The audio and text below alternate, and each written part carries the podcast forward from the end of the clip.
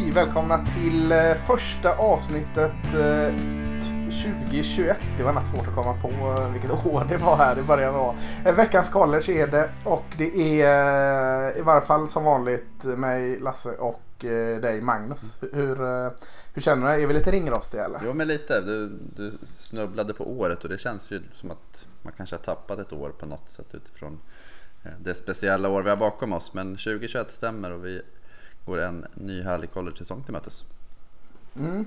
Jag vet inte vilket år är det vi är inne på i podden. Eller alltså jag vet att vi är 2021 nu men Jag, tror att, jag tänkte säga att du frågar fel person men eh, vi, någon av oss borde ju veta det. Kan det vara Ja. fyra, tre? Nej, fyra. fyra minst, fyra eller fem Ja. tror jag. Vi säger fem, det låter jävligt maffigt sådana fall. Även om det är tre. Det kan vara en lögn. Ja, eh, ja eh, college, vi är inne i augusti. Vi spelar in detta, ska jag också komma på dag. Det var dumt så här. onsdag är det va? Jag tror det. Ja, eh, och eh, både jag och Magnus har lite semester kvar. Det är därför vi inte håller koll på varken år eller dagar här. Det är ett så, gott eh, tecken när man kopplar Ja precis, men, men det är inte det, vi, är- vi är ingen sån här kalenderpodd så det är inte det vi ska hålla koll på. Vi ska hålla koll på collegefotbollen och, och det är vi lite bättre på hoppas jag i alla fall. Men, men vi är inne i augusti i alla fall, det vet vi och eh, i augusti så eh, börjar ju collegefotbollen eh, slutet av augusti. Eh, jag tror det är 28 augusti va? Är det väl första lite tjuvstartsveckan där, Mm. vecka 0 som den kallas. Mm. Och sen går vecka igång där det är helgen efter där i första helgen i september. Så att eh, det är inte alls långt kvar. Eh, Är, är du beredd? Ja, men, eh, em, jo men det är man väl alltid, alltid men ändå inte. Jag vet att du brukar ju vara expert på att gå ut lite för hårt. Och det, eh, just den här luriga vecka 0 så finns det, ju- det är, typ 6-7 matcher som brukar spelas då. Och man brukar titta Ja. på allihopa. Eh, och sen så är man ju rödögd till vecka två, eller vecka ett då. Och så tittar man på, den börjar ofta torsdag. Eh, och så kör den full fart hela helgen. Och sen så är man helt färdig och veckan därpå så är det ju NFL-start också. Så att eh, Ja, man är ganska redo men man lär sig aldrig.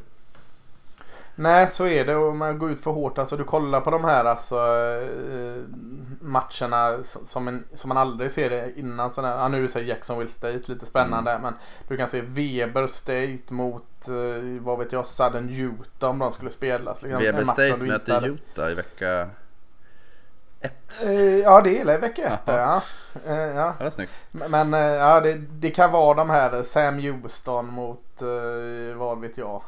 Vecka- Någonting. Apropå när jag kollar in i- kalendern så har vi en ganska kul match för oss svenskar vecka ett med Temple Rutgers. Ja verkligen svenskderbyt där. Mm. Ja den är ju bra även spännande även också Mm. om det inte hade varit svenskar inblandade. Eh, jag tänkte först vilka svenskar vi har ute på Hawaii eftersom Jordan Genmark Heats UCLA Mm. spelar mot dem där. Men, men eh, ja då har vi, det börjar bli många svenskar och mer kommer. Mm. Men vi ska inte, inte än, vi kommer eh, trava vidare med svenskar under den här säsongen i podden. Det händer ju väldigt mycket där. Och, eh, får vi tips om eh, tidningen som vi släpper varje år. I år släpp, förra året släppte vi en digital variant. Nu är vi tillbaka till den här sköna man kan hålla i handen. Eh, Kommer jag inte på vad den heter bara för det. NFL-guiden. Trots att den heter NFL-guiden så är jag och, och Magnus ganska bestämda att vi vill ha in lite collegefotboll där också. Och det var ni också när ni fick en sån här eh, frågan vad vill ni ha i den här guiden. Så var det ganska många som tryckte upp college. Vilket gjorde jobbet enklare för mig och Magnus. att få in lite college där så det tackar jag för. Så, men, men köp den. Man, man kan gå in lite här och var. Sociala medier och nflsupporter.se och beställa den. Eh, mestadels om NFL såklart. Men där står det en hel del om svenska, alltså den svenska vågen tycker jag vi kan kalla den som är på gång in i collegefotbollen. Det står om eh, både du och jag skriver lite om olika delar i college och så NFL är ju trevligt också. Så den, den kan vi absolut tipsa om. Så eh, det har varit kul att ni köpte den. Mm. Men vad ska vi prata om idag? Idag ska vi eh, gå igenom lite med, med den breda penseln vad, vad som är uppe på ropet. Det är en hel del. Eh, sen ska vi kolla in, eh, tänkte vi börjar med den stora stygga eh, konferensen direkt. SSI där går vi igenom både den östra och västra divisionen. Lite vad vi tror om lagen, lite nyheter och annat eh, kring lagen och sånt. Men om vi ska börja med det som egentligen alla pratar om här nu är ju eh, vad, vad som fasken händer med konferenserna och, och detta. Och det stora som kom en, en och en halv vecka bort är ju att Texas och Oklahoma, de två stora, stora programmen. Eh, två av de största i, i collegefotbollen som har eh, spelat i Big 12 eh, ett tag här nu. Eh, tillsammans med SSI har kommit överens eh, om att från 2025 börja spela eh, i SSI istället för Big 12. Sen är det oklart om det blir så sent eller om de kommer fram en bit tidigare. Det är väl Men- sista men- datum där de, eller sista säsongen där de kommer in i det. Men många tror ju att Ja det blir tidigare. precis och det är antagligen eh, med största sannolikhet blir det tidigare än så. Eh, I år blir det inte i alla fall. Det är för sent för att råda om det. Men, men ja, vad ska, vad ska man säga om hela den här jättenyheten är det ju. Det här är ju en riktig bomb alltså. Ja, alltså det vill jag jämföra som att, eh, inte vet jag, AIK och IFK Göteborg skulle brytas ut och spela i danska ligan typ. Ja, men lite så. Det är, nej men det, det, är, eh, det är ju kittlande och lite sorgligt. Alltså, jag vet, det, det kommer ju Det kommer ju ändra väldigt, väldigt mycket. Och det här är ju bara starten på den ändringen. För ofta så följer Mm. du, nu är ju Big 12, de har ju åtta lag kvar när de lämnar. Eh, och sen kommer du ju ha eh, man tänker Pac-12, Big 10, de kommer ju titta på okej nu har de här, nu börjar SEC rycka ifrån för det blir ju en pengafråga i slutändan. De har dragit dit de två kassakorna till SEC, då måste de börja titta på okej är det något i våran struktur vi kan ändra på? Så jag tror att det här är liksom starten på någonting. Och om tio år så Ja. kommer ju eh, den struktur vi har idag se helt annorlunda ut. Så är det och Du är inne på det där alltså att eh, sportsligt är det ju jättestor påverkan också såklart. Och, och, och att eh, toppa divisionerna med, med största och bästa möjliga lag. Men, men det kommer till slutligen fram till att det är ju, det är ju pengar som spelar in här. Alltså även att det är skolidrott så, så är det pengar som styr tv-avtal och annat. Eh, ISBN har fått stå en del skopor där kring detta. Och just med, med, så att det är pengar, eh, pengarna det kommer ner till. Och då är Texas och Oklahoma eh, värd sin vikt i guld nästan för SSI när det kommer till pengar. Och sen tittar man på ur, ur ett sportligt perspektiv så har du ju det här med, man pratar ju om strength of schedule hela tiden. Eh, Mm. Som, nu diskuteras det ju att man kanske ska gå till ett 12-lags slutspel framöver men i dagsläget är det fyra lag och låt säga Texas och Oklahoma försvinner från Big 12. Det blir jäkligt svårt för de lagen att ta sig till ett slutspel med tanke på att de kommer ju inte ha de här, ska man kalla det, fina troféerna att sätta på väggen. Nej precis.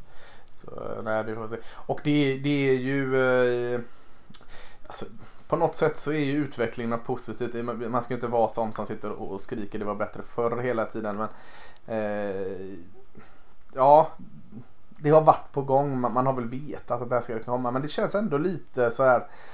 Eh, inte vemodigt kanske inte är rätt ord men tråkigt.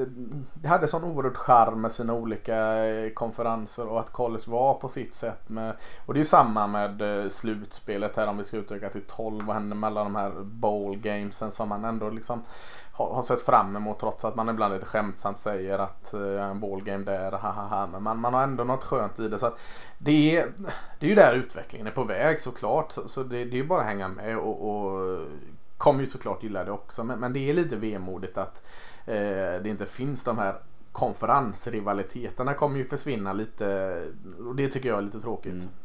Jo, det kommer vara, SSC kommer dra ifrån via det här så det handlar Ja. om att titta på hur, hur övriga hanterar det. Det finns ju en del andra liksom, pengastarka lag som Clemson, Florida State, Notre Dame, eh, du har ju USC eh, med flera. Sen i Big Ten så finns det ju, det är där jag tror att nästa Eh, att det är de som kommer försöka locka till sig för där har de andra elefanterna i Ohio State och Michigan som Ja precis.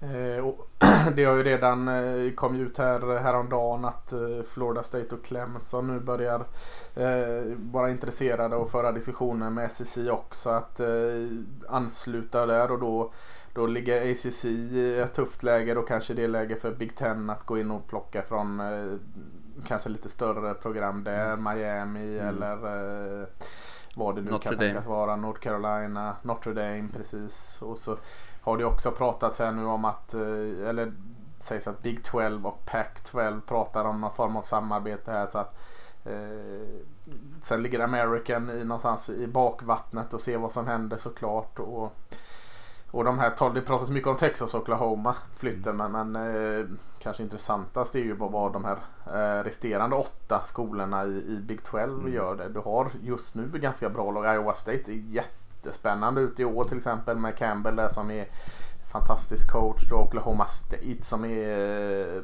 relativt stort program. Eh, TCU har gått ganska bra trots att de kanske inte är det största programmet. Och Texas Tech och Baylor det är ändå klassiska skolor som ligger i Big 12. Så ja, det, det kommer bli en lång följetong detta. Eh, och se vad som händer. Eh, men, men, men vad tror du? Vad blir liksom det här kommer ju inte bli klart i år under säsongen känns det som. Det kommer rulla på kanske att det här blir klart eh, tills eh, starten av nästa år. Men vad, vad, hur tror du det blir? Ja, alltså, jag tror att om man tittar på rent eh, hur det har sett ut tidigare så har ju Big Ten varit väldigt sega i, i att göra saker. Ja, de är sega i mycket ja, Big Ten. Jag alltså. tror nog att eh, att framförallt ACC kommer se till att de lagen där, det kommer hända någonting. Det kommer vi, mm. eh, kanske inte att de lämnar, men de kommer ändå bestämma sig. Ska vi satsa på att liksom, ta upp kampen eller kommer, vi lämna, kommer de här stora programmen lämna? Och sen så tror jag också att vi kommer se lag från Big 12 röra sig till Pac-12. Mm, ja, jag tror också det. Eh, rent geografiskt skulle man kunna tänka sig till exempel att Iowa State eh, går upp och spelar med eh, Big Ten, kanske Oklahoma State, mm. Kansas State. Och, och, västra Texas där med Texas Tech och kanske Texas överlag går in och leker med lite med Pac-12. Mycket Texas Tech mot Washington State. Det kan ju bli en sån här Mike Leach Bowl varje år. Ja just det. Ja, Ja det hade varit kul. De kan ju bara göra en McLeach-konferens ja. där. Eh, han har ett par skolor så det kan bli en, en, en, eh, en rolig konferens. Mike Leach ska vi komma in i lite senare för han är ju i SEC mm. numera och, och Mississippi State. Men, men eh, vi lämnar, vi kommer återkomma till det för det kommer ju komma, eller hela det här konferenssnacket för det kommer ju komma löpande och mer allt eftersom. Så, så, så vi lämnar den lite. Men en annan ny grej blev väl klar egentligen Nej, när blev den klar? I slutet av förra säsongen? Under ja, eller mellansäsongen. Ja. ja, det är det som är NIL, NIL. Vad, vad, vad pratar vi om då Magnus? Ja, då pratar vi om att eh, en college-elev, egentligen en college-atlet eh, kan få ersättning för sina names, images och likeness. Alltså att de kan få ja, bara teckna sponsoravtal i stort sett. Eh, och det är ju något som de inte har fått göra tidigare. Vi har ju haft, eh, visst var det en kicker i UCF som hade en, eller Panther kanske, som hade en YouTube-kanal till exempel där han fick massa sponsorer och det slutade med att han var mm. utsparkad och fick inte, fick inte delta i fotbollslagets aktivitet. För att NCAA ja, säger att man får inte tjäna pengar på sitt namn. Eh, vi har haft väldigt många sådana grejer där eh, spelare har fått ersättning under bordet. Det kommer vi försvinna nu också när de får in ersättning. Och det här är ju någonting som många av de traditionella i collegesporten tycker att det kommer förstöra. Eh, för helt plötsligt så blir det den det blir professionella atleter och vissa av de här eh, jag tror att det var första juli det trädde i kraft och vi har ju redan sett några som har skrivit på miljonbeloppsavtal med olika sponsorer. Mm. Och det kommer ju såklart att påverka. Det kommer vara en, en viss förflyttning av makten till att man faktiskt kan öppet tjäna pengar som spelare. Eh, sen så är det, jag läste häromdagen att eh, snittdealen hittills ligger på runt 900 dollar. Eh, så att det är ju inte... Ja, nej du, du, du blir, inte, blir inte direkt rik på det. Men, men sen är det ju ja, det är enormt många spelare. Så att Precis. Högst till lägst där det, det är nog läskiga skillnader där kan jag tänka mig. Ja, och det är ju det de, de här traditionalisterna pratar om också är ju att det kommer bli svårt i lagen för att du kommer ha två, tre spelare i de här Kanske inte de största programmen, där är det nog fler, men de mellanstora som kommer tjäna ganska mycket. Och sen har du mm. andra som inte har någonting.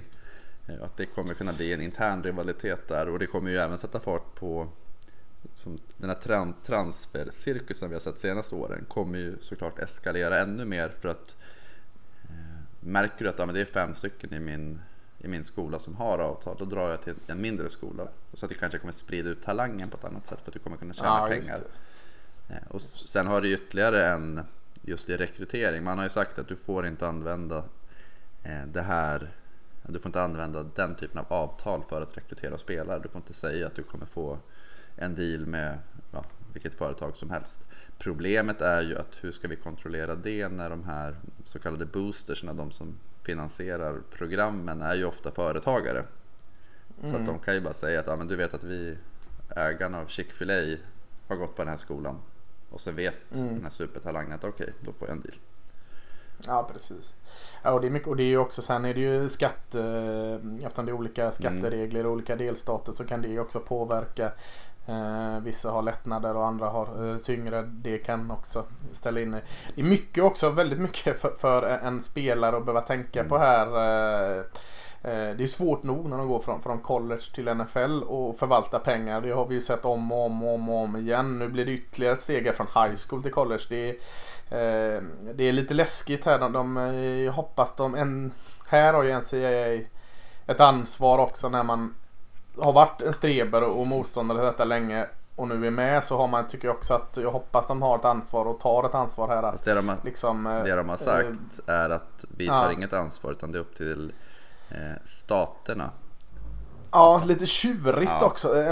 Alltså barnsligt, lite sandlådenivå där. För, för, man hade ju tyckt liksom att eh, de kan ju inte hålla på så. De måste ju se för elevernas bästa. Att, att liksom vagga in dem, få bidra med kurser, litteratur mm. och allt sådant som liksom veta hur man ska liksom gå tillväga, vad som gäller.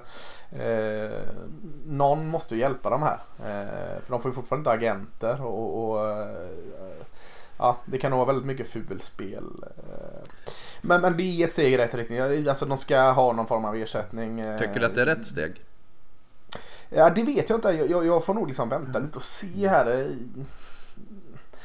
De får ju en hel del. Det får de absolut. De får eh, mat och, och scholarship och allt detta som de alltid har fått. Den har ju varit ena diskussionen där men eh, jag tycker alltså den tid eh, de lägger ner, det, det, den risk de tar att spela amerikansk fotboll först och främst. Eh, visst det är ett fritt val, de behöver inte göra det men eh, är det ett fritt val för alla? Liksom, ganska många kommer från eh, tuffa, tuffa förhållanden och, och, och, det är någonstans en väg, väg ut från det eller möjlighet, en dröm ut från det. Så att eh, om det är rätt val eller inte. Jag har inte, jag har inte läst de här långa, långa, långa eh, Eh, Excel-arken som finns om det för att liksom läsa exakt vad det innebär. Men det är ett steg i alla fall och eh, jag tror nog det är ett steg åt rätt håll. Va? Ja, nej, och just det här med tanke på hur mycket pengar skolorna tjänar på.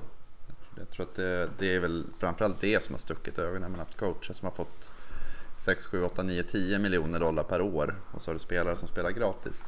Jag är ja. nog fortfarande inne, jag tror att det här kan vara, som sagt det kan bli väldigt rörigt och det kanske blir bra i slutändan och jag, absolut att spelarna ska ha ersättning. Jag hade nog hellre sett en modell att man liksom, lite som man har i professionella ligorna, att man fördelar eh, någon viss procent av intäkterna utifrån spelade matcher Alltså, ja, så kan det väl kanske bli. Alltså, jag tror jag håller med dig. Det är rörigt och det kommer nog komma jättemånga liksom, snedsteg och, och saker som absolut inte är bra. Kommer ställa till det för en mm. del unga spelare. Uh, men jag tror man måste nog trampa på ett par miljoner ja. för, att, för att hitta rätt mm. först. Uh, sen får jag hoppas att det inte blir allt för allvarliga explosioner på grund av, uh, på grund av dem. Nej, och att inte arbetet slutar för att det här som sagt att det är ju inte hur många kan det vara i ett program? 100 spelare? Ja, och säg att kanske är 5-6% av dem som går in och får någon, någon form av ersättning som, eh, som faktiskt ja. ger något. Eh, yes. Så det, är, det är ju väldigt många som inte tar del av kakan och det är väl det jag tycker att eh, väldigt få av dem som faktiskt satsar sin hälsa och, och liksom lägger ner väldigt, väldigt mycket tid kommer få ersättning för. Och, så att jag hoppas inte att man bara sätter sig ner och tycker att nu är allting bra. Utan jag, jag tror fortfarande att man måste hitta en modell som ger alla någonting. Antingen i form av någon så pensionsgrej eller försäkring på något sätt. Men... Mm. Ja och så hoppas jag också liksom, alltså, märker man här nu att det här blir väldigt, väldigt fel, går åt fel håll. Att inte eh, NCAA och alla säger, nej nu slopar det, nu går vi Det kan de nog inte göra för att det är ju lagstiftning. Ja just det, men de kan ju också eh, slå sina trummar och få igenom någon ny ja. lag. Alltså, det, alltså att man på något sätt eh, lär sig och, och Mm. anpassar och, om, kanske om tio år så är det ett fullt fungerande system. Mm. Liksom. Det, det, det vill jag tro. Hörde också, det är ju lite så det redan kommit upp lite sån här solskenshistoria. Vad heter han, kuben i Pitt? Är det Kenny Pickett heter Ja. han va?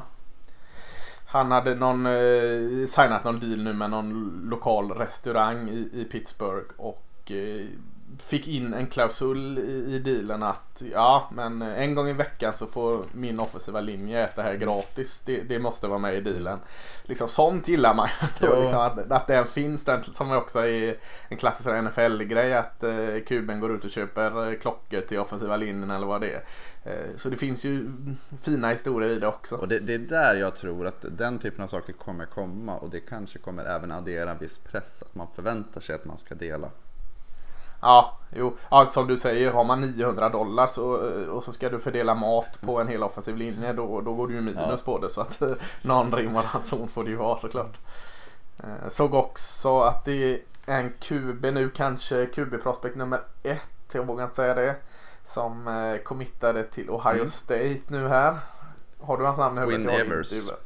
Just det. Att det redan snackades. Den här ny... Ja, det, ja just det precis. Det redan snackas. Ja, han, eh, han väljer pengarna i college istället för pengarna i NFL. Att redan den har börjat komma upp nu.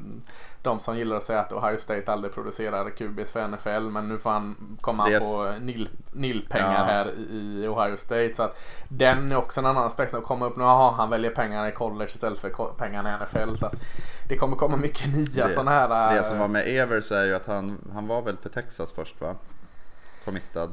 Ah, Var han för Texas eller var han... eh, Jag tror att det var, ja, eller någonstans i någon sydstat där man inte, du får, där Ja. får du inte skippa ditt high, sen, seniorår på high school.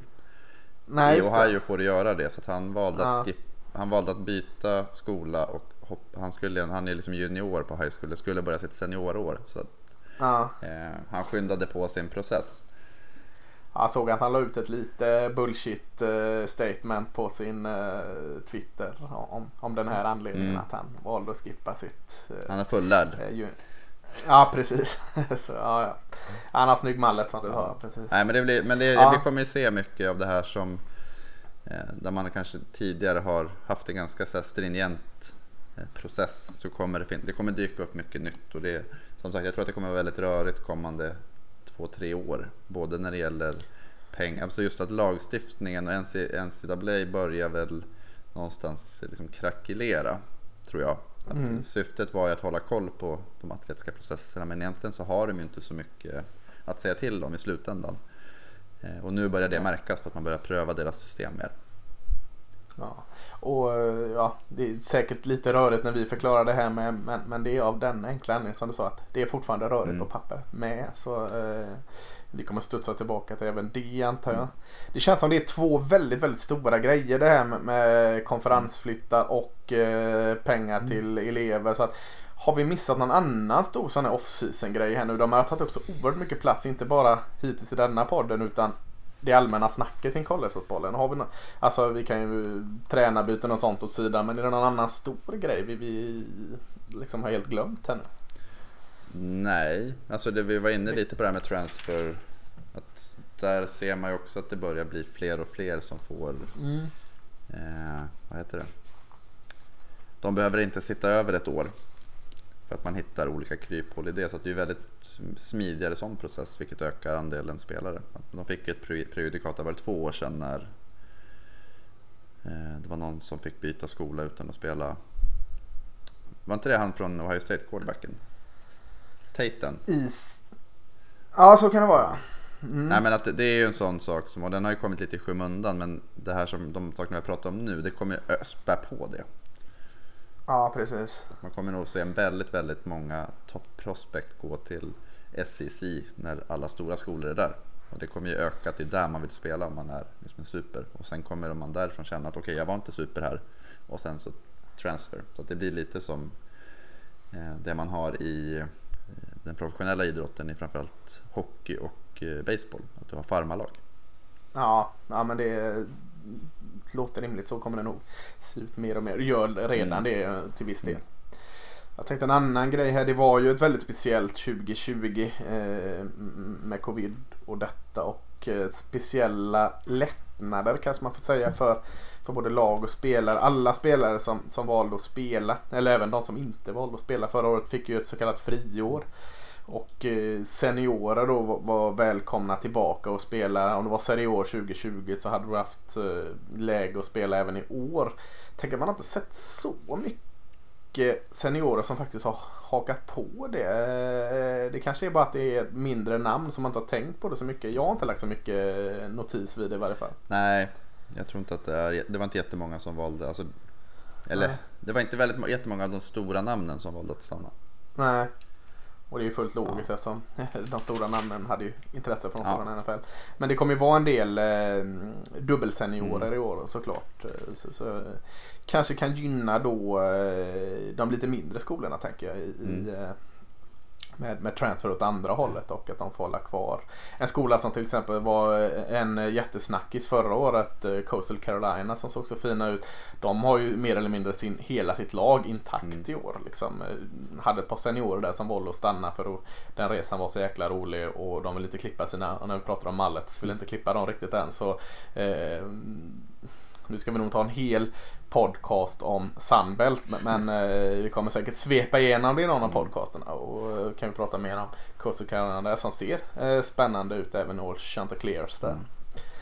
Eh, åh, något annat? Eh, eh, en, en snabb återblick från förra året. Alabama vann.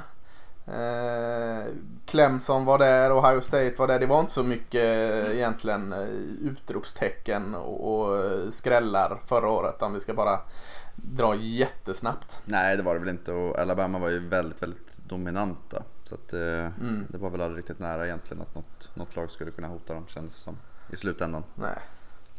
Men i år känns det lite mer öppet va? Alltså, man är ju van att säga att Alabama tappar eh, 10-12 spelare i tre första rundorna men ändå laddar om. Men det känns lite mer öppet i år. Eh, kanske då i SEC om vi pratar det.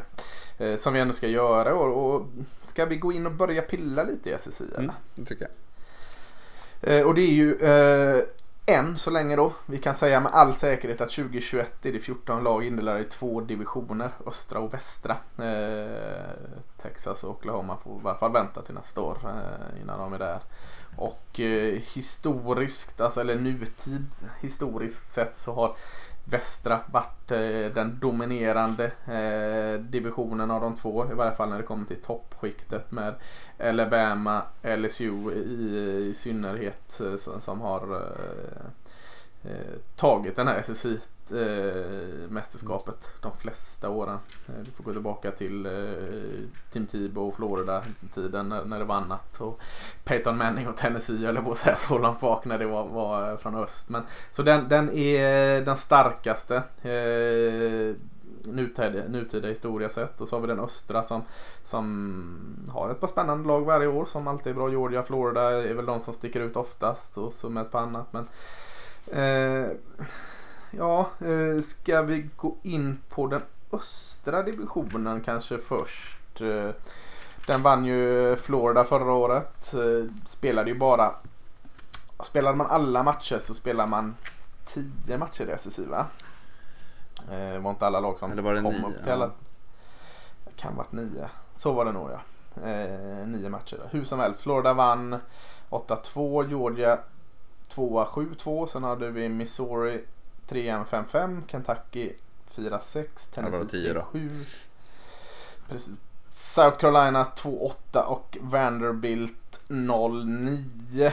Eh, och eh, mm, vad ska vi börja lite i botten här med den? Eller vill du börja i toppen? börjar, vi river av, Vi, vi river Vi river av toppen Vandy eller river av botten? vi river av Vandy, vi river av Vandy direkt. Vanderbilt direkt. Ja, vad, vad, talar för att de ska få en seger då? Jag har inte kollat på deras schedule men de, nu får de väl ett enklare schedule då eftersom det är tillbaka till normalt. Eh, de möter Misstag, jag behöver inte gå ju, igenom alla scheduler men de har eh, Eastern Tennessee och Colorado State och Yukon och lite annat där. Så några segrar de får i år. Men får de, har de någonting som talar för att de ska eh, lämna sista platsen då? Nej, det, tyck, det, tycker jag faktiskt inte. Och det, det är ju ett Mason fick ju kicken förra, efter förra året och Clark Lee kommer in. Eh, visst var han defensiv koordinator i Notre Dame? Stämmer ja. Och så en, en gammal Vanderbilt-alum. Så eh, i långa loppet spännande. Mm. Men, men i år kan man ju inte väl vänta sig mycket av honom va? Och, och Vanderbilt. Nej, de får tillbaka mycket av sitt anfall som inte var speciellt bra förra året. Och eh, tappar, tappar en del. Framförallt i försvaret. Och jag, jag vet, alltså det, det är alltid svårt när man byter. Alltså I vissa fall så ser man en ganska snabb effekt. Mm. Eh, men då brukar det inte vara så stor skillnad på den, den typen av talang man får in och övriga i, i den divisionen. Så jag tror att Wendy får en, får en tuff säsong. Jag har svårt att se att de vinner någon match i, i SEC. Ja, det kan vara uh, delstatsfighten där beroende på vad som händer med, med Tennessee. Mm. Där, uh, där kan de skrälla ibland och Tennessee är ju lite i omstadsmode även de. Ken Seals där quarterbacken, så, man såg lite tendenser i honom förra året så det kan ju vara någon då man ska lyfta något namn och hålla lite koll på där. Uh, fanns något kul i honom i alla fall. Mm. Ja, Vanderbilt. Sen har vi, jag säger att vi egentligen har eh, en grupp av tre lag här som, som eh, på plats 4, 5, 6. De kan hamna lite hur som helst. Men vill du kanske ta ett annat lag med ny huvudtränare här i, i eh, South Carolina Gamecocks? Ja, kanske? Ja, precis. Det är ju Shane Beamer och det är väl, eh, vad heter han, Virginia Tech oraklet ja, Frank, vänta, Frank Beamer. Beamer. Frank Beamer. Hans ja. son. Mm. Eh, och det, South Carolina kändes som att, alltså det, jag tror att varje år när jag pratar om det så känns det som att ja, men de är, det finns någonting där, de är på gång. Det, det, är lite spännande och det är lite, ja. De kanske kan skrälla och vara med och störa där uppe. I år får jag inte riktigt den känsla, känslan och det Tittar man på vilka de har tappat så är Shai Smith som var nyckeln framåt. Han eh, mm. Eh, receiving leader och liksom den som motståndarna fick tänka till kring. Eh, Ernest Jones och JC Horn liksom nyckelspelare i försvaret och det är ändå tre, de vart väl draftade alla, alla tre. Eh, JC Horn i första rundan. Jag, jag tror att eh, det är samma där, in med en ny coach. Beamer kommer behöva bygga om en del och sen han är ju oprövad också så att det är Ja, för han var ju i, i Virginia Tech. Sen var han väl förra året var inte han typ running back coach i Oklahoma ja. då? Ja. Så eh, stort steg för honom också. Eh, men han har ju gått och, och, och lärt sig sen han var väldigt ung bakom sin pappa. Absolut. Liksom. Så, eh, något gott finns det där men man får ju ha tålamod med honom. Jag hoppas att South Carolina känns väl också som en skola som kan ha lite tålamod va? Absolut. Sen har de försvaret så hela deras front är ju kvar. Kingsley Ngabar, han var väl en sån som... Ja, han är jättespännande. Det var en sån som man tänkte att hade han gått ut förra året så hade han blivit draftad. Eh, Topp ja. 100 kanske, nej inte ja, det vet jag inte men däromkring. Första, första ja, tre, fyra rundorna i alla fall. Ja. Hade ju den bästa de har haft på defensiva linjen sen Jadivian Clowney. Ja. Eh, och Clowney kanske inte fick ut sina talanger fullt ut i NFL om man tänker på han då. Men, men i college var han ett jäkla mm. monster. Mm. Fanns en anledning att han draftades som nummer ett. Så, så, så han är ju spännande, Nagabare. Såklart. Sen har de kvar Kevin Harris, running backen som var, var rätt bra förra året. Så att jag gissar att ja. de kommer bygga ett försvar och sen, eh, för de tappar egentligen allting på QB, allting på receiver. Så att det kommer vara ett fysiskt försvar och springa väldigt mycket. Och det, är, ja, det är ju en SEC-modell som har hållit länge.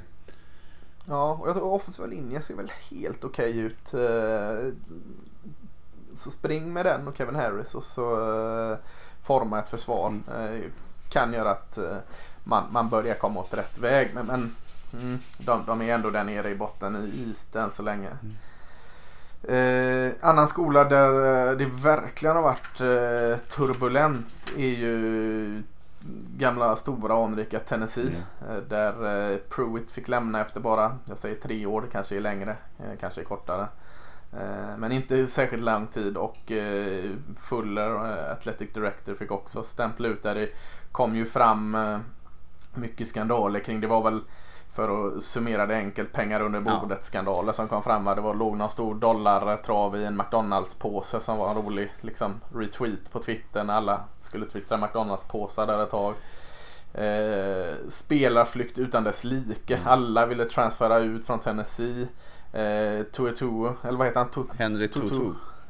Tutu, eh, linebacken där som var jättelovande drog till Alabama Mm. vilket är en riktigt sån här ful grej egentligen i, i, i Tennessee och Alabama. Känns inte så relevant just nu men det är en sån klassisk eh, rivalitet match eh, sen långt bak i Vi gissar tiden. väl att Tutu inte fick en McDonalds-påse när han väl...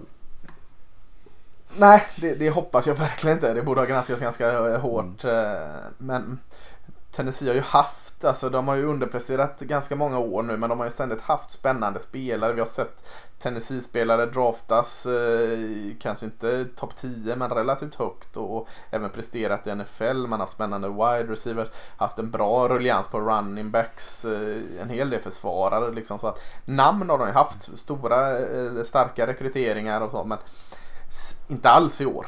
Och så har man tagit in eh, Josh Heupel va, från Mm. UCF och eh, Athletic Directorn också från UCF. Eh, och egentligen liksom bara Danny White. Just det, så heter han. Och ställt om från början här nu. Det, är- det är inte några jätteheta namn på pappret. Eh, kanske inte alla de här fem star recruitsen.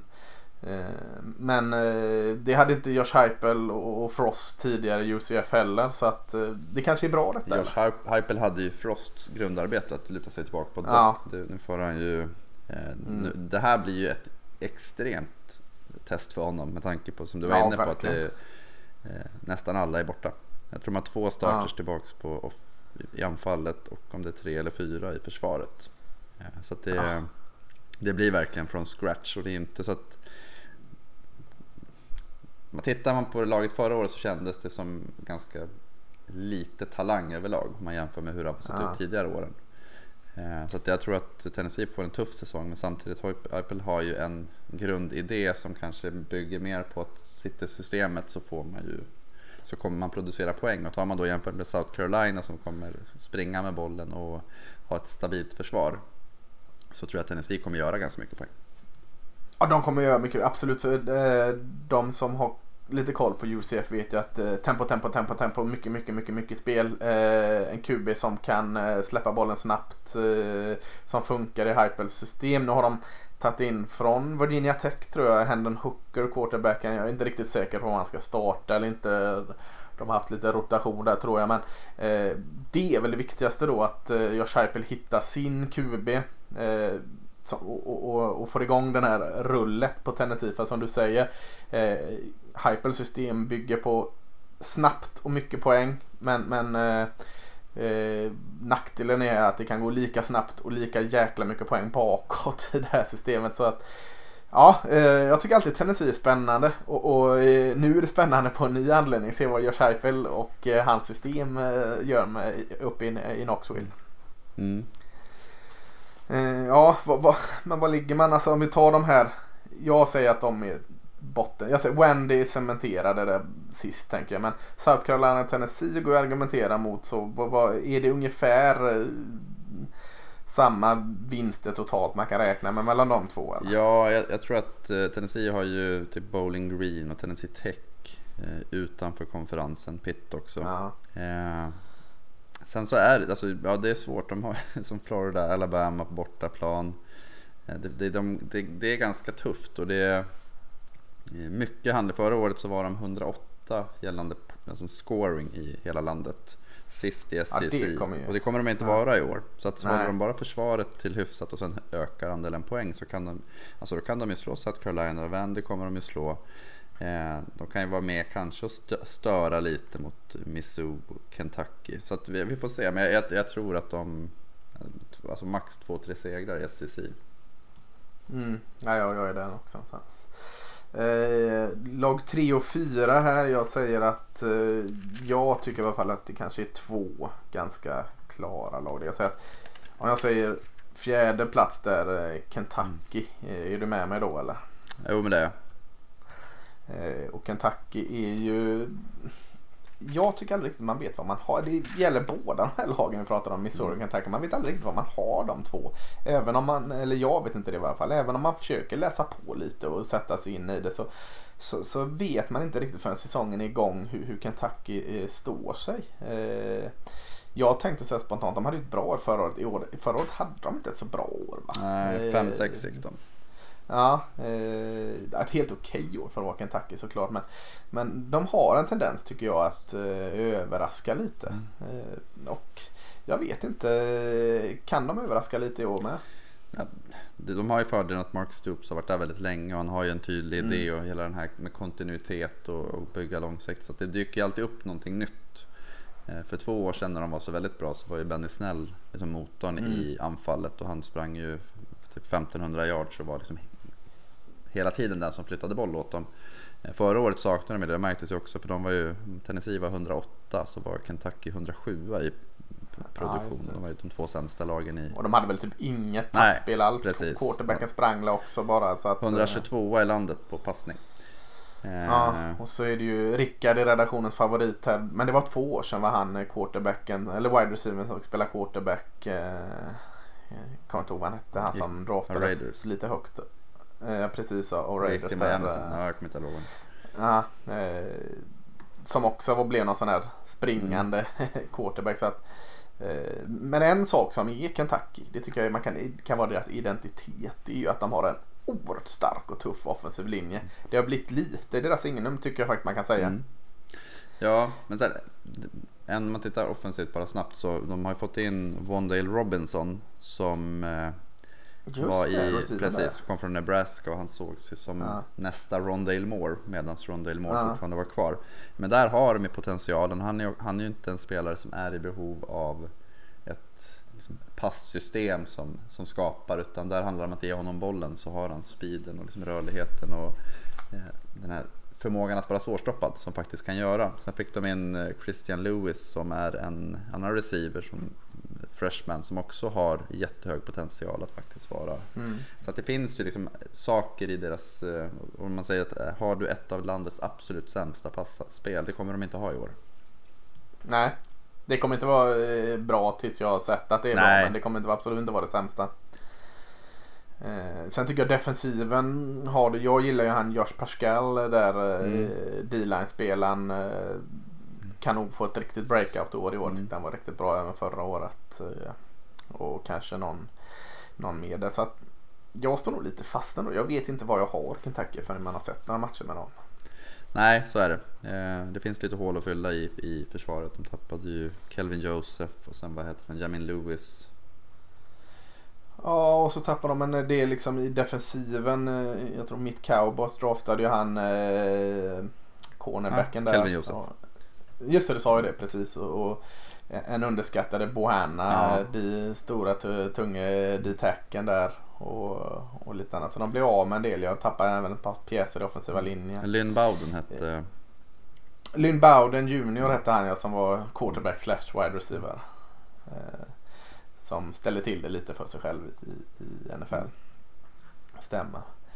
Ja, eh, nej, någonstans i mittenskiktet i SSI sätter vi dem ändå va? Ja, Eh, men vi sätter dem kanske bakom då nästa skola eller vi gör det som jag tycker också är lite så som jag sa svår, svårtippade men känns lite som en dark horse i år Mm. kanske. Missouri, eh, Missou här. Eh, som i, i vilket år är det med Drinkwitz? här? Andra. Är Det, det andra och förra året var ju lite, vad säger man i golf, en mulligan där alltså att man eh, med, med alla förutsättningar. Och, och de var ju ganska... Jag tycker de vann mot de lag de eh, skulle slå. De torskade mot Alabama, Tennessee, eh, Florida borta, Georgia och sen Mississippi State i sista. Så de hade väl, alltså Tennessee och Mississippi State, hade de vunnit de två då hade det varit en succé. Då hade de ju gått eh, 10-2 istället.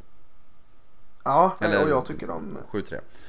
Ja, jag tyckte de var positivt överraskade av dem och jag gillar ju Drinkwitz. Jag vet väl att du gör det Mm. också. Så eh, spännande att se eh, vad de har. De brukar alltid också dyka upp med någon sån här eh, superspelare, eh, college-spelare, framförallt i försvaret har de alltid plockat fram de här. eh, Nu var det Bolton förra året och det är ofta någon på defensiva linjen som kan kliva fram och, och. Ja, precis. Eh, och sen har de ju faktiskt, college har ju blivit successivt mer och mer som NFL i det aspektet att det är jäkligt viktigt att du har en fungerande quarterback. Eh, det är klart det, men tidigare kanske man kom undan lite mer med det i college än vad man gör nu. Och du har ju en jättespännande där i Connor Basilek Mm. som, som, eh, som ser väldigt lovande ut.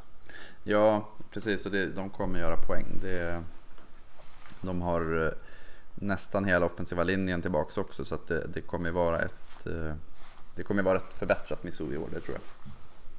Mm, en liten smygfavorit saknas är din Larry Roundtree tänker jag Larry Roundtree, ja. den tredje, är ju inte med längre. Så vi får se lite oprövade kort på running back. De har ju roterat med ett par roliga running back ganska länge nu men nu är det nystart där. Men känns ändå lite som att de kan plugga in de här gubbarna. Mm. Så jag vet han Beatty eller vad han heter som har varit lite bakom Roundtree innan. Mm. Så, Sen har de ju Mookie Cooper fick de ju tillbaks, eller fick tillbaks. Eh, han var en eh, topprekryt från eh, Missou för två år sedan. Och då gick han till Ohio State. Och nu har han transferat från Ohio State till, tillbaka då till sin hemstad. Så det ska bli intressant att se vad, vad han kan göra. Vad spelar han? Wide receiver. Just det. Ja, han gjorde ingenting nej, i... Nej, det var ju rätt hård konkurrens där. Ja. Men han... Var det för... Var, han spelade ingenting? Nej. Nej, han, han, han blev... Redshirtad. Just det, så var det. Så han är egentligen freshman? Han är freshman och kommer in och kan spela ja. från början. Ja, det såg spännande. Det kommer jag ihåg det namnet när det var, det var ganska hög rekrytering. Mm. Ja, nej men sorry, känns som en dark horse. Mm. Eh, men då, då, har vi två, två platser kvar, första och andra platsen. Eh, första platsen tycker jag känns oerhört, oerhört givet i år. Men vi kan prata om eh, de som vi båda ändå tror är nummer två i, i divisionen. De som vann förra året i Florida. Mm. Eh, alltså, den mallen eh, gillar vi ju och ogillar. Han, är lite plump och lite trampar i klaveret lite för ofta. Jag vet inte hur länge han kommer undan med ganska dumma uttalanden. Som coach är han ju fantastiskt ja, bra. Men, han, han, är väldigt, eh, väldigt formad i, eh, i, en, alltså i de södra staterna och det är ofta det som dyker ja. upp. Och han, ibland läser han inte riktigt av rummet innan han öppnar sin mun där. Och det kanske han kom undan med lite mer förra året med, med allt med covid och detta. Men ja, det, bara, det, bara det är någonting att följa hur, hur den mallen ter sig under säsongen. Men eh, han gjorde det bra. De vann SSC East. Eh, han gjorde ett fantastiskt jäkla jobb med Kyle Trask. Mm. Eh, Kyle Trask var inte dålig. Alltså, han ska inte bara lägga det på den mallen. Men jag tycker mycket ska krediteras mm. den mallen. Han är ju oerhört skicklig med quarterbacks. Han lyfter ju till exempel Dak Prescott och många andra innan det. Så, eh, men vad de har tappat. De har ju tappat då Kyle Trask som vi sa. De har tappat kanske bästa thailänden sen jag vet inte när, Kyle Pitts. De har tappat, eh, eh vad heter Tony, Tony va? Grimes. De har tappat två, ja, 2000. Ettan och tvåan receiven och eh, släng in Pitts mm. där. 2500 yards. Eh, vad blir det då? 31 reception touchdowns har de tappat sen förra ja, året. Ja, tappat en del i sin offensiva linje. Man har tappat sin QB. Nu är visserligen Emory Jones som som är nästa man upp här fick känna på det lite. Man har inte riktigt satt utropstecken bakom sitt namn som många trodde. Nej. Ganska många trodde väl att det här är ju den perfekta lekkamraten med den mallen. Cal Trask var väl inte det man trodde skulle vara den mallens QB utan man trodde väl kanske att det skulle vara Emory Jones. Mm. Så vi får se. Alltså det finns ju någonting i Emory Jones som är spännande. Eh, och den mallen ska kunna plocka ut det. Mm. Men, men eh, vad har man kvar på receiverpositionen? Alltså Jacob Copeland eh, gjorde väl en del. Eh, men, men, det är tufft med, med på skillspositionerna för dem alltså att ersätta. Och väldigt mycket nytt in. Och kan man väl kanske lite säga om försvaret med va. Det, det är mycket som ska ersättas där man har spännande namn som framförallt då Kair Elam, mm. cornerbacken och vad heter han? Eh, Zach Carter. Just det, Zach Carter. Eh, Brenton Cox även också bra. Cox och Miller. Det, det är ett par spännande namn där men, men ja. Alltså det blir inte lätt för Florida i min spontana känsla. Nej, jag tror att um, den trenden vi såg i slutet av förra året, de torskade ju tre sista matcherna. Var väl 8-1 mm. innan de åkte på pumpen mot LSU. Eh, jag tror ja. att de kommer få det lite svårare och jag tror att eh, avståndet till Georgia som vi då båda har som etta tror jag är ganska stort i år. Ja, jag känner ju spontant att det är närmare mellan Florida och Missouri än vad det är mellan Florida och Georgia. Mm, jag håller med. Eh, och, det är inte konstigt. Alltså det här mellanåret. bör eh, fans av Florida ha lite överseende för. Sen kan man bli fly förbannad ändå om man slänger bort skor och håller på att äventyra matcher och andra sådana dumheter. Men, men eh, ja, eh, lite av ett mellanår för Florida. Ändå räcker det kanske till en andra plats mm. i SSI East. Ettan, eh, skitspännande lag, eh, Georgia. Eh, Georgia on my mind kanske man får köra på någon form av repeat här under året för att eh, snackas ju alltid i det här året för Georgia. Är det året man tar slutspel nu? Är det året man eh, går och vinner SSI? Det har inte hänt lite. Man sparkade vad hette han? Mark Rich. Mm. Rich. Mark Rich. Eh, och så sen har vi Kirby Smart kommit in och, och, byggt och byggt och byggt. Men man har inte riktigt kommit över där den här eh, vägbulan än. Är detta året man kanske kommer över den här vägbulan? Ja, eh, de kom, alltså jag, jag, nästan så att jag vill säga att jag tror det. Jag, jag tycker att eh, vi brukar alltid prata om att man ska ge typ uh, Dabo Sweeney och Nick Saban liksom, förtroendet att bygga om. För att de har gjort det så många ja. gånger. Och jag tänker att Kirby smart att bygga ett försvar. För det är det, lyckas han bygga ett försvar som är bra. Så ja. tror jag att Georgia vinner eh, SEC och kanske är favoriten att vinna det nationella mästerskapet. Ja det är ju svinkul. Det är kul bara att tro det, bara få in den i ekvationen. Mm. Eh, att, eh, för tills de är där så är det ju lite av en outsider. Mm, absolut. Eh, de har aldrig varit slutspel va? Jo då, de, de, de torskade ju övertid mot uh, Alabama. Det, för... Fasken. det var ju fasken uh, två år sedan bara. The game. Ja, tre år sedan. Just ja, så var det. Ja, ja, ja, tar vi tillbaka det. Ja. Nej, och det du säger där med, med han kom ju från Nick Sabans Alabama smart här och eh, har ju byggt långsamt eller snabbt direkt. Han hade ett bra försvar. Georgia hade även ett bra försvar innan Smart kom in. Men han har ju byggt det kanske som har varit Alabama-grejen på något sätt. att stackat upp med ordentligt med bra försvarsspelare så att när de nu skickar iväg en 4-5 stycken till NFL så står 4-5 och bara väntar. Och han har fått in lite den eh, rotationen i Georgia också som Alabama är så duktiga på. Eh, så att även om vi kanske inte ser de här namnen nu starka namnen som man har gjort innan så är de där. Det är bara att vi måste, upptäcka vi måste dem. se dem lite mer först. Dem. Precis och, och, jag sa ju till dig innan vi började spela in här. Jag kollade upp två spelare som eh, hade transfer som jag var nyfiken var de hamnade. Jag hade inte gjort det innan. Det är Eric Gilbert, eh, Tyrenden från LSU och Darion Kendricks, cornerbacken från Clemson som båda skulle flytta och så kollade jag vart de hamnade. Båda hamnade i Georgia så att eh, alltså de, de bygger upp eh, oerhört bra. Eh, vi båda gillar, om vi går till offensiven, vi båda gillar quarterbacken JT Daniels. Perfekt, han flyttade från USC skadad eh, förra mm. året men fick komma in här i slutet och känna på det lite perfekt för nu att komma liksom och imponerade då. i systemet. Ja, imponerad verkligen. Samma med Samir White, kanske skrapade lite på ytan förra året men eh, running backen där men är nu redo att ta nästa steg. Ja men sen har de, behåller ju allt som ja, är Visst är han skadad här han Pickens, Pickens skadad. va? Eh, det är ju lite tråkigt för han var ju jäkla bra receiven där. Men det är också att de har ju eh, i stort sett hela offensiva linjen är väl kvar.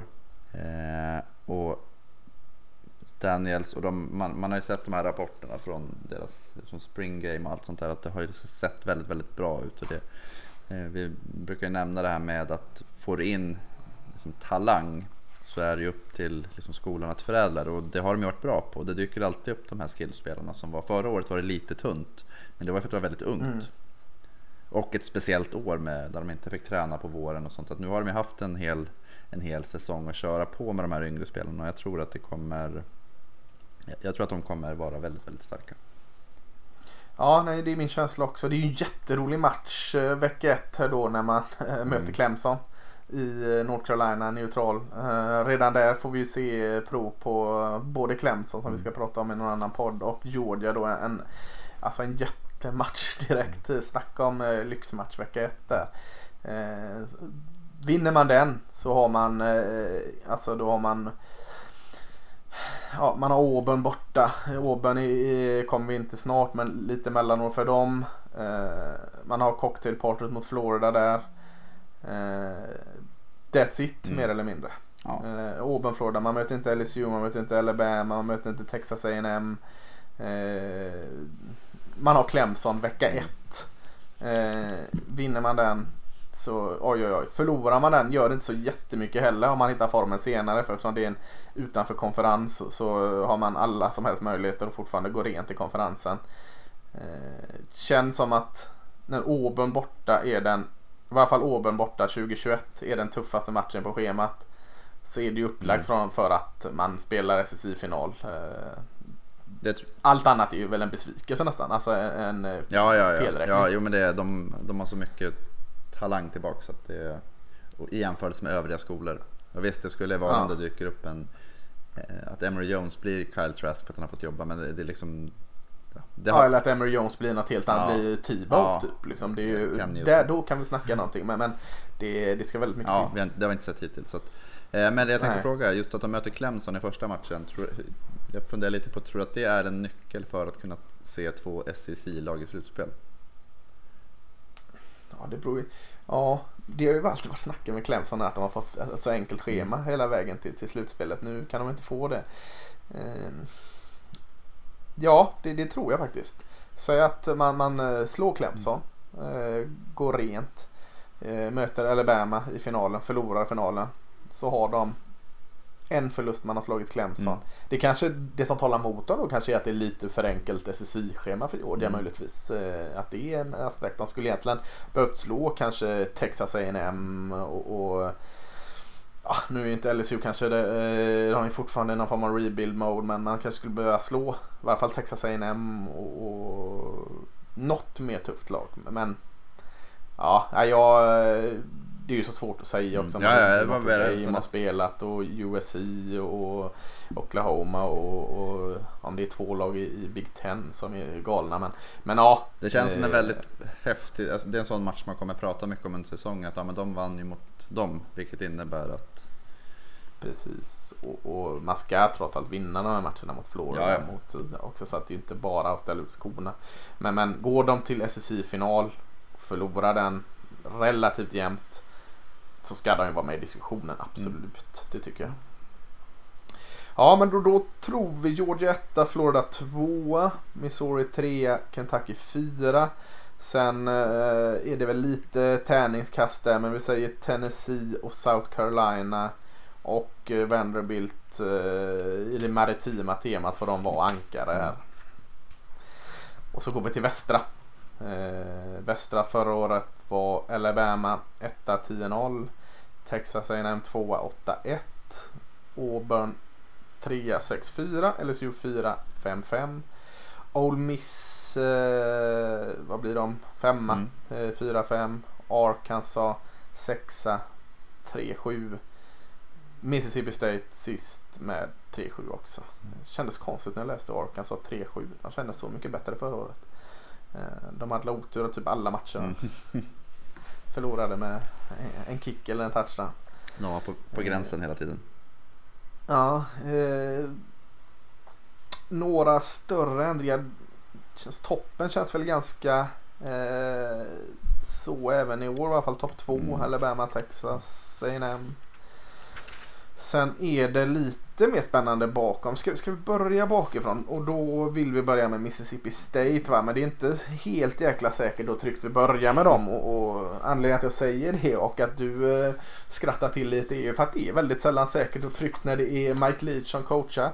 Ibland är det jättebra att det inte är säkert och tryggt. Ibland är det som förra året kanske inte fullt lika bra. Eh, du sa det innan första matchen förra året att Eh, det blir nog ett se och lärår för Mississippi State. Sen gick de och, vilka var det? De, LSU. Det var LSU va? Det gick de och, och körde över. Och eh, lite eh, blev vi alla, eh, kanske inte du men, men många jo, så här, Wow, nu går de helt eh, bananas här och vinner allting. Men det blev ju lite som du sa innan. Det var ett se och lärår. För sen slutade allting att fungera.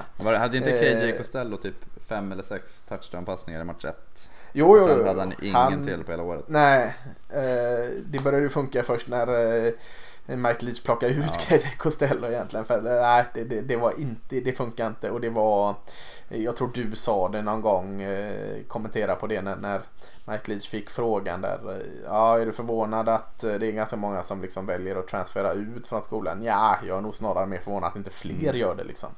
Eh, för det är ju ett väldigt speciellt system och spelare eh, fungerar bättre och sämre i olika system och Fungerar man inte i detta systemet så har man ingen framtid i, i Mississippi State. Så då är det ju fullt logiskt att man flyttar på sig. Nej, men då, det var ju verkligen, om man tittar eh, Superstjärnan från de två tidigare åren var ju running backen Kaelin Hill. Han mm. hade 15 attempts förra året. Och ja, var... det var också en i match 1. Man blev så här, var inte han, eh, fick inte han massa... Mot receptions ja. Ja, så blev wow nu får vi se nya Kaelin Hill här. Och sen liksom. spelade han knappt. Det var... Nej. Eh, nej men det jag såg i slutet av året då när det var liksom året var förlorat. Mike Leach testade, började bygga för nästa år var ju två freshmen som ändå ska bli spännande att se i år som hittade varandra bra. Det var ju quarterbacken där uh, Will Rogers mm. och wide receiver Jadon Wally mm. eller Wally. Uh, båda de två kändes ju jättespännande där och det är väl det någonstans man får bygga på i år eller? Ja, sen hade de ju Jaquavius Marks, running backen som eh, var den som fick mest och det var ju för att han var, hade en otrolig statistik när det kommer till mottagningar. Han som running back så hade han ju 4,5 yards per försök och på sina 60 mm. mottagningar så hade han 4,5 yard per försök. Så att det var ju mycket lite kortare passningsspel på honom. Men det är ju en trio som man pratar mycket om att det är de som ska eh, se till att anfallet rullar. Mm. Eh, ja och försvaret är ju lite lite rotation där mycket nytt in, tappade en del, vilket kanske inte är helt dumt heller. Får ändra om. Man hade en del spelare, Errol Thompson var ju lite mm. nyckel där i, i linebacker-gruppen men ja, det är mycket in där. Jag, jag kan inte riktigt lyfta fram någon. De har ju både Emmanuel Forbes som var eh, cornen, också freshman förra året som hade en hel del eh, picks. Ah, och sen Tyrus Wheat, eh, en annan. Ja, just linebacken ja. där. Mm. Men det är samma ja, det är där med Mississippi State, att, eller med, inte Mississippi State, med eh, Mike Leach så brukar det ta ett par år innan eh, talangfulla försvarare. Washington State så tog det ett tag, sen började ju cornerbacks vilja spela där för att de fick träna så otroligt mycket mot passförsvar. Alltså att, mot passspelet. Ja. Eh, och det är ganska enkelt att glänsa om man är bra på det. Så vi får väl se, men, men eh, Mississippi State, ja. Det är ju alltid roligt att Nej, följa. Jag vet inte, men men eh, vi lägger dem i botten tills vidare ja. i alla fall med, med lite reservation för att eh, vi, vi inte kan veta riktigt. Nej. Eh, sen är det, jag skulle säga att det är, vi kan prata en, två, tre, fyra lag här som är, jag skulle säga en grupp. Skulle egentligen kunna slänga in Mississippi State mm. i den och göra fem lag. Men om vi säger Old Miss, LSU, Arkansas och Auburn. Vilka skulle du vilja lägga som nummer sex här? Uh, alltså, ja, gud. Alltså det är nästan så att jag vill lägga Auburn där. Ja men vi gör det. Alltså mest för att det är lite kontroversiellt. Auburn är ändå eh, en stor, stor skola. Eh, Alabama är ju, är ju nummer ett i, i delstaten Alabama. Men Auburn är en jäkla vacker tvåa i den mm. delstaten. Om man kollar historiskt sett. En, en stor skola i SSI, en stor skola i SSI West. Eh, men det har gått lite tomt de sista åren. Eh, Eh, man har sett tendenser. Sen när man har sett det totala motsatsen och eh, med tanke på den Eh, det man rekryterar in där så har det inte varit gott nog. Man, man eh, kickade tränaren, man tog in eh, Brian Harsin från Boise State. Så ny, ny tränare här och på många sätt känns det väl lite som att det är en Kanske det är aldrig ombyggnadsår när vi pratar om de här stora skolorna som Auburn, LSU och Alabama i, i i SEC. Men eh, lite åt det hållet i varje fall. Håller du med om det? Alltså jag skulle väl säga att det är en, en ombyggnation. Just att alltså Malsound, hans problem var att han, han byggde ett lag för att slå Alabama. Mm. Och sen så när Saban började ändra mentalitet då var de ju chanslösa. Mm. Och där kommer ju Harsin, han är ju van. Eh, jag, jag gillar eh, jag gillade den rekryteringen just för att han, Boise State har vi pratat om förut, att de är lite så här Eh, de går och handlar på den här second hand när det gäller talang. Att det inte, mm. liksom, eliten som kommer dit. Men de är väldigt duktiga på att hitta de som har bra traits och som kommer kunna och utveckla dem. Alltså lite samma som Utah har varit bra på. Ja precis. Uh, det de måste ja, vara bra på. Ja, men. De, de, är ju inte med och tar de stora. Så, alltså, ibland får man ju tänka sig att ha, vi kan inte ta de bästa namnen. Hur ska vi göra då? Ja då får vi ta dem under och så får vi bli jävligt bra på och kanske vara bäst på att utveckla Ja och, och där kan det vara att du har, har allting fast du är lite för liten till exempel. Eh, och det ska bli kul att se hur han kan utveckla när det är mycket, mycket enklare att rekrytera. Och det kan gå ganska snabbt mm. då. Eh, sen så är det just att jag tycker inte att det finns någon tydlig sak att bygga på. Tank Bigsby, running backen, har... Ja, han var ju jävligt bra förra Jättebra. Året. Eh, och det är väl han. Sen Bo Nix, jag är inte någon... Jag är inte helt såld på honom, så kan jag väl säga. Kan man säga att det är, trots att det är ett stort namn i Åberg med tanke på sin pappa, att det är någon form av brygg-quarterback här. Eh, alltså att han duger där tills nästa kommer fram. Eh, är väl Bo Nix. Man hade ju högre förhoppningar på honom. Han har väl glänst till någon match liksom. Men det är ju inget liksom att skrämma någon med direkt. Nej, exakt. Och det... Nej, jag vet inte. De känns väldigt tama. Ja, men det gör de. Och eh, Auburn har inte så mycket tålamod som vi sa att South Carolina har lite tålamod att vänta ut Beamers resultat. Eh, men här har man i alla fall ett par år eh, måste man ju ha med, med eh, nya mm. tränaren. Eh, defensivt tycker jag det finns en, en del kul att hitta. Man har par bra linebackers Jag tänkte säga nästan kanske den bästa duon i Papoué och McLean. Ja, Papa McLean är jättebra där man har ett par eh, spännande secondary. Roger McCreary tyckte jag var bra förra året. Eh, Smoke Monday lite upp och ner fortfarande. Kan de bli lite jämnare så kan han uh, göra sitt där. Så att försvaret kanske är styrkan här och så får man springa med Tank Bigsby offensiven. Mm.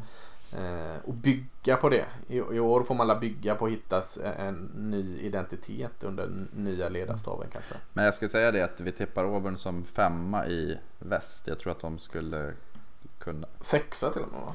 Sexa precis. Jag tror att de ja. skulle kunna komma tvåa i öst. Ja, det håller jag med. Eh, absolut. Det, det, det, vet inte om vi ska klanka ner på öst eller lyfta upp väst. Det är väl oftast en kombination av orden. Fem, sexa tippar vi dem också för att det är lite eh, roligt att eh, lägga en eh, större skola lite längre mm. ner. För att eh, om vi, när vi drog dem, alla de här kan hamna där. Men, men, om vi sätter en femma så säger jag att vi sätter Arkansas där då. Eh, mest för att det är roligt kanske putta upp dem lite. för att eh, Trots att de bara gick 3-7 förra året så såg man ändå en hel del tendenser. Man, man man hade, och man har en, en av landets mest spännande wide receiver, Traylon mm. Burks, tillbaka. Eh, man har ett starkt försvar, eh, också en bra linebackergrupp i Morgan och Bumper Pool mm. där. En jättefin safety i Catalan mm. där. Och Arkansas har ju blivit så att man bygger på det man har lite här. Lite om det vi har pratat om. Så att eh, kommer man in i säsongen med de här och så kan man bygga vidare. Så att, de har ett ganska enkel start också. Sen börjar med Rice, sen Texas och sen Georgia Southern. Så det är ju tre raka segrar, eller hur? det är ju eh, full gas no break på Texas. Det kommer ju, kommer ju leda till eh, seger och allt i år. Men eh, ja. Nej, men det, det, som sagt, de har ju väldigt, väldigt många spelare från förra året kvar och Sam Pittman gör sitt andra år så att det rimligtvis så, så här, om de inte lyckas bra i år så tror jag att Pittman ja. kommer kanske ha en liten sån här, är du verkligen rätt?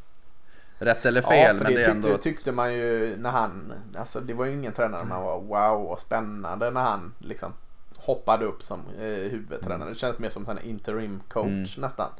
Eh, men eh, Uh, alltså vad hette han gamla Ole Miss O-line coachen som var efter Hugh Freeze? Matt Ryan, heter han så?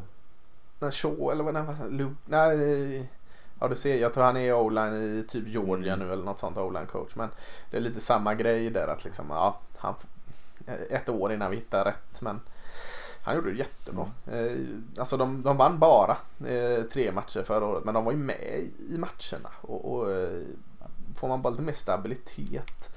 Nu har man ju visserligen inte Filippe Franks men det behöver inte nödvändigtvis vara något ont. Nej, herregud. Franks gjorde sin grej. Stor, tung, tog lite yards men det var ju inte någon eh, Det var inte han som vann eh, matcherna åt dem liksom, han bar ju inte laget på det och sättet. de har ju Kendall Bryles, eh, Art Bryles son som har just det här. Ja, han fast han har hoppat. Var eh, barn i Florida State Ja. senast eller? Ja. Och sen Barry Odom, Ja, alltså- defensiv koordinator. De har ganska fina koordinatorer. ja, de har bra koordinatorer. Ja. Ja. Eh, Ja, nej, det skulle bli spännande att se. Arkansas är ju också lite, det kan vara... Jag tror inte de kommer upp till mer än fem segrar. Eh, Det tror jag inte man kan förvänta sig. Men kommer de upp till fem segrar så tycker jag det är en fullgod, fullgod säsong av Mm. Håller med. Eh, ja, om du får välja här som lag fyra. Du får välja Ole Miss eller LSU. Vad väljer du då? Då väljer jag LSU. LSU. Förra året Som, hade vi eh, rätt när vi, när vi sågade dem. Det var ju inte så... Ja, det var nästan så att vi var för snälla Ja. med sågen förra året. Så De var ju trots allt nationella mästare året innan där. Men, eh, ja, eh, fortsatt tungt på pappret för LSU skulle jag vilja säga. Man tappade, eller det, det var lite turbulent liksom att när man går från bäst till inte sämst men eh, inte bra i varje fall så blir det lite eh, tandagnissar både från fans, boosters och eh, spelarna. Eh, Ed Orgeron gjorde väl det bästa han kunde med en, en ganska taskig situation där men, men jag ser inte att situationen ser sådär jättemycket bättre ut i år. Nej, Nej alltså det, det vi pratade lite om det här med identitet och det är samma där att jag vet inte riktigt hur de ska vinna matcher. Nej, för alltså de har ju en av landets mest spännande spelare i cornerbacken Derek Stingley. Eh, men man vinner ju inte matcher på att man har en jättebra cornerback. Eh, man har såklart jättelovande spelare, man är ju bra på att rekrytera. Jag tänker man har Ali Gay på, på defensiva linjen. Man har... Cation eh, Boot, receivern. Ja, eh, secondary tycker jag är bra. Lite skador som har kommit in där nu men Eli Ricks är ju jättefin där, andra konen också. Så att försvaret tycker jag ändå, eh, de kan nog steppa upp och spela bra. Det, det tror jag. Eh, offensiven, där ser jag inte riktigt det. Man tappade på nytt eh, spelare förra året. Marshall, receiven försvann. Eric Gilbert. Eh, eh, Eric Gilbert, Tyrenden försvann. Eh, QB-frågan var ju ständigt pågående förra året. Man blandade med Mac Johnson, Miles Brennan. Jag tror även han eh, Nussmeyer var inne och rörde på det lite förra året. Och det är väl fortfarande väldigt oklart vem, som är. Det är någon av dem som är skadad nu dessutom va? Mm, Eh, jag tror det inte var någon av dem jag nämnde kanske ens. Eh, TJ Findley finns ju också. Just det, det var nog han jag tänkte på där som, som jag tror är skadad. Så jag vet inte om det är Max Johnson som son till gamla Tampa Bay quarterbacken Mm. tror jag som vann deras förra Super Bowl. Eh, om jag inte missminner mig.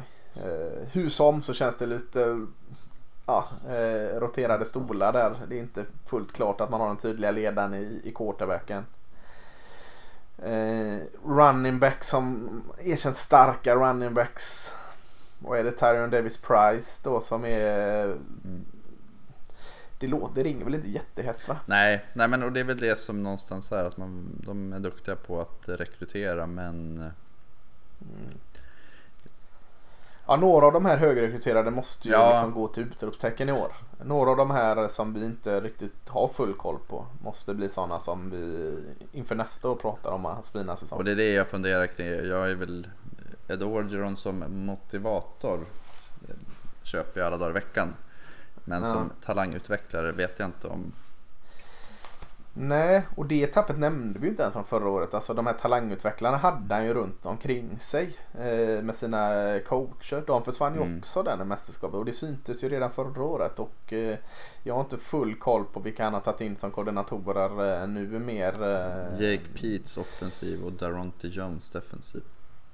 Ja, det är inga namn som ringer jättemycket klocka för mig. Det behöver inte betyda att de är dåliga på det. Men eh, jag har inte sett att de har fått ut max av eh, antal stjärnor bakom deras namn när de rekryterades från high school. Än i varje fall. Nej, så det, det, de är i den högen där med lag som säkerligen skulle komma tvåa i SEC East men som lika väl kan hamna i botten i SEC West. Eh, trea, Ole Miss. Åh, känns ju, kändes ju spännande förra året. Känns nästan mer spännande i år. Trots att man har tappat en hel del så, så har man ju eh, framförallt då Kiffin som eh, får gå in sitt andra år här och, och eh, justera. Eh, tycker jag känns spännande. Men man har ju kvar kanske han som jag tycker var största utropstecken. Du var lite mer förberedd på han. Jag var inte riktigt förberedd på att Matt Corell skulle vara så bra. Du trodde inte han skulle få starta va? Nej, jag trodde ju på Plumlee mm, där. Eh, eh, trodde att det var lite Kiffin mm. eh, spelare där och eh, tur att inte jag tog ut Elvan för Matt Corell var ju så inne i helsike bra. Och, och han är kvar mm. och eh, running backen Jaron Ely är kvar så man har ju eh, alltså två jättenygga. Man tappade lite receivers. Man tappade Elijah Moore och Jebois. Elijah Moore. Men, men eh, Elijah Moore var svinbra. Det är inte bara att ersätta honom. Men jag tror den det hade skadat mer att tappa Corell och Ely.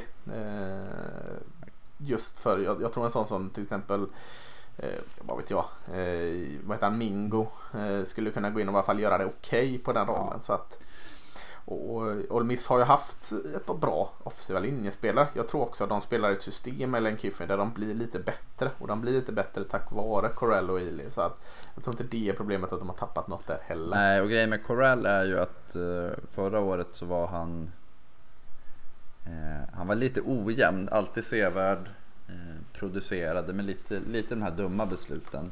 Och det är väl mm. där man tänker, växer han från det då kan Ole Miss vara en raket.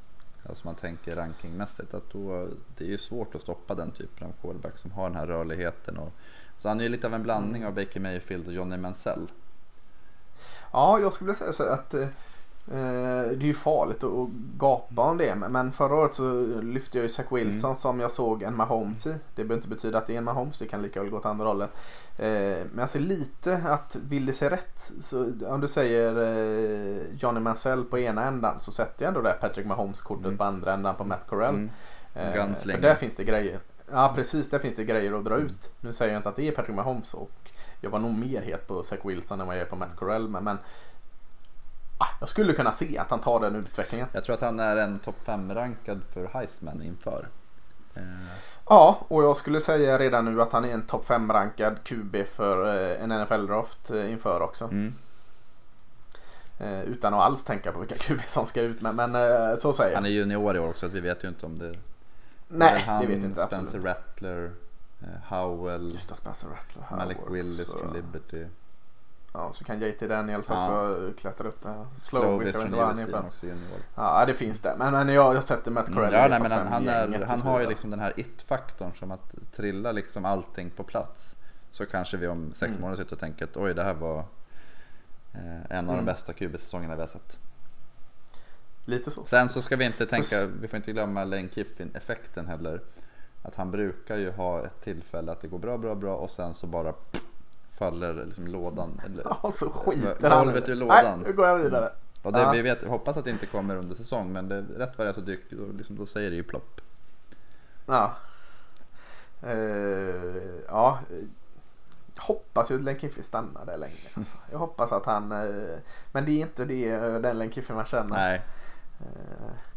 jag vet inte, försvaret har jag inte så mycket att lyfta upp direkt. Det hade jag inte förra året heller. Man har en del starter tillbaka? Mm, sen fick de ju Otis Reese från Georgia som flyttade som safety. Just det, vad, blir han? Har de har någon speciell roll med, med den eh, Star. nickelslott eh, varianten. Mm. Kallar de den Star ja. kanske de gör? Ja, ja det skulle han passa ganska mm. bra tänker jag. Eh, ja. Eh, men, men den är väl eh, det är väl inte deras styrka försvaret ska vi säga. Det är det fortsatt inte. De var rankade 126 i totalt försvar förra året. Oj vad dåligt. ja, då är det verkligen inte deras styrka. Kommer de ner på tvåsiffrigt i rankingen så får, det väl vara, får de väl vara nöjda. Det var fra 99. framförallt, alltså, springförsvaret var helt okej okay i sammanhanget. De var rankade 101. Eh, vad var de rankade sa du? 101. Passförsvaret ah, 125. Så att, eh, och där kanske Otis Reese kommer in och bidrar med någonting i alla fall. Ja men det gör han ju garanterat. Det är inte så svårt att komma in och bidra nej. med någonting där. Då känner man. Nej. Ja, nej, det, det får väl höja ett varningens finger då för försvaret. Vem var det som var defensiv koordinator? Har du det framför dig? Eh, ja, det är ju den gamle skandalmannen DJ Durkin. Han som tränade ihjäl oh. en kille i Maryland. Oh. Ja, det var inte hans fel men eh, Nej, men han, han är ändå väldigt, väldigt skicklig. Han var otroligt bra med, ja. med eh, i Michigan med Jim Harbaugh. Så det tror jag blir ja. bra. Det känns ja, väldigt mycket Lane Kiffin att ta in honom också. Ja, ja verkligen. Eh, Lane Kiffin kommer in lite på samma premisser. Ja. Inte att han har tränat ihjäl någon. Kanske Art kan Briles kan vara offensiv koordinator snart. Ja, och så tar de in Joe Freeze ja. också där så har vi eh, ja, en fin, komma tillbaka ja. till Ole Miss. Ja. Eh, ja, men Ole Miss eh, känns jättespännande. Jag, jag, tycker det är roligt att sätta dem som mm. tre. Jag tror inte heller det är en helt omöjligt att de kan hamna där. Eh, men, men, jag tror att steget upp till eh, nästa lag är lite för högt. Vi, vi sätter Texas A&M då. Eh, som, som varit lite tjuriga här nu när, när eh, historiskt sett och till storleksmässigt storebror Texas ska komma in i konferensen. Så, vilket kommer leda till att det blir tuffare för dem att kunna rekrytera i delstaten Texas nu. Eh, eh men det ska vi inte prata om så mycket nu utan vi ska prata om Texas A&M år 2021 och, och, och, då, har man, eh, då har man spännande saker. Man har framförallt Jimbo Fisher som börjar kännas mer och mer trygg i vad han har att jobba mm. med i Texas A&M. Man har inte Kellen Mond. Eh, jag vet att du rycker på axlarna över det. Jag, Nej, men på eh, college är han ju ja. eh, funktionell. Eh, jag vet inte riktigt vad man har att gå in med där. Calzada har jag ingen koll på som, som det pratas om att King ska starta. Var ju... Ja, freshman ja, där va? Eh, ja, just det. Han, han, kanske går in och tar den direkt där.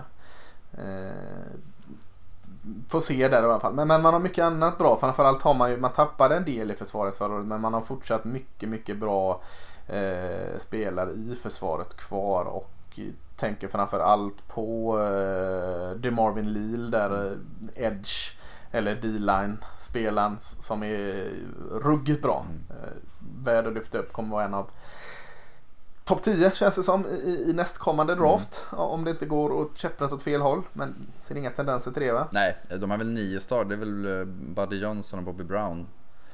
Ja, två bra Två, vä två väldigt bra som försvann. Men, men ja. eller Buddy, Bobby Brown är ju defensiv tackle. Men just att det, han, han, håller ju samman sitt lag och här har alltså styrkan i det här laget skulle jag säga är eh, alltså running back positionen. Där. Ja, både ja, framförallt Isaiah Spiller men även Ainias Smith eh, var ju jättebra. Mm. Och sen, eh, var det inte en tredje jävel också? Det var en Akane. Just det, de var ju tre jäkla bra där. Och sen har de fått in ja. LJ Johnson som många tror, eller så här, man skulle, de skulle inte bli förvånade om han kliver in och får en ganska stor roll redan år ett. Vem är LJ Johnson? Det har jag ingen koll på. Freshman. På running back ja. också? Herregud. Eh, ja, det blir, jobbigt. Mm, ett, ett, ett stabilt försvar och sen att kunna springa med bollen. Då blir det ganska tacksamt för oavsett om det är Calzada eller King som får kliva in. Ja, verkligen. Sen är ju Jimbo Fischer alltid varit bra på att uh, få in produ eller produktion från sina tight mm. Nu har man Jalen, vad heter han, yep. va? Uh, som har liksom Tight var inte en position som A&M använde sig av innan egentligen förrän Jimbo Fisher kom där. Så han hade ju lite problem i början. Mm. fanns typ inga tight i, i truppen. Men, men eh, ganska snabbt så han fattade in det som en nyttig position. Vilket hjälper då en, en, en ganska ny QB liksom och tacksamt mm. lägga den på tight Eh, ja, när de, de, ser, de ser starka ut. Det kanske är att de inte har spetsen då i QB som är, är frågan. Eh, men det kanske inte behövs då de har så jäkla många bra running backs. Alltså, jag tror att det är svårt att tillhöra den absoluta toppen. Alltså om man tänker slutspelstoppen. Utan en mm. QB som, och där vet vi liksom inte vad någon av de här två yngre herrarna kan hitta på. Eh, men ja, det är ju det vet, ja, Bryce Young i Alabama, vi kommer prata om dem alldeles strax, men där, det vet vi ju inte heller på riktigt samma sätt. Nej, precis. Eh, nej, men, men kan de rå på Alabama då om man säger de så? möter dem hemma. Ja, de möter dem hemma. Jag känner inte att de är där än alltså. Eh, jag vet inte fasiken, hade Mond varit kvar ett år till, nu är jag extra glad i Mond, så hade jag kanske trott mer på dem, men jag vet inte fasiken. Ja, vi kommer ju prata om Alltså ett riktigt, riktigt starkt försvar och ett bra spring, springspel hemma mm. eh, i, på College Station med en fullsatt Kyle Field 100 000. Alltså det, jag kan ju fortfarande se att de vinner den matchen. Mm. Då gäller det bara att hålla serven i övriga matcher. Ja det är sant. Nej, det ser ja. spännande Men det är en, ja, 9 oktober, det är bara att ringa in. Ja precis. Ja men då har vi eh, ettan kvar där. Eh, då- lilla, lilla blygsamma Elefanten. eh, Nick Saban och eh, Alabama. Och då säger jag så Regerande mästare. Regerande mästare. De hade ju en obesegrad säsong förra året och vann finalen med nästan 30 poäng. Eh, Ja. enda laget som var nära att hota dem egentligen skulle jag väl säga var Florida i SSI-finalen. Då vann Bama med 6 poäng. 52-46. Eh, Ja. det Alabama har tappat det är ju Mac Jones.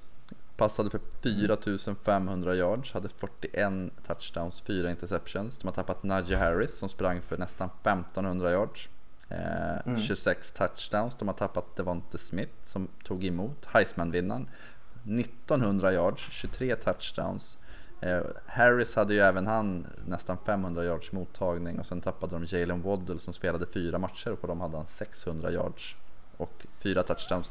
Det är alltså en extremt stort tapp i deras anfall. Ah fy fasiken alltså. Vi säger ju det år ut och år in. Eh, att Alabama tappar varje år och så går de in och sätter in. Men, men fasiken vad det låter svårt. Lägg till Och- och Landon liksom- Dickerson, Alex Led, alltså hela anfallet är ju nytt. Ja, fy fasiken alltså. Det är... Nej men det, det, det ska egentligen inte gå. Det är ju Alabama som kan. De kommer ju inte komma dit. De kom, alltså förra året så var de ju lite ifrån sin ident- identitet när de, hade, när de vann på offensiven. De får något sätt försöka hitta tillbaka till att vinna på defensiven här. eh, Som de också har tappat en del. Eh, Men ja, om vi, om vi ska stanna i offensiven då. Shit. Eh, Bryce Young som du nämnde är ju jättespännande men har inte visat något än. Brian Robinson, hela running backen då som ska vara det stora namnet. Eh, har ju suttit tålamodigt och väntat där bakom och roterat in lite blygt men är ju inte där än. Eh, John Mechie då är ju den som man kanske får lyfta upp eh, receiven. Som eh, känns trygg. Som ska gå från att vara en nummer två till att vara nummer ett och det är ju inte alltid en Nej. Nej, fasiken, nej, det är tufft.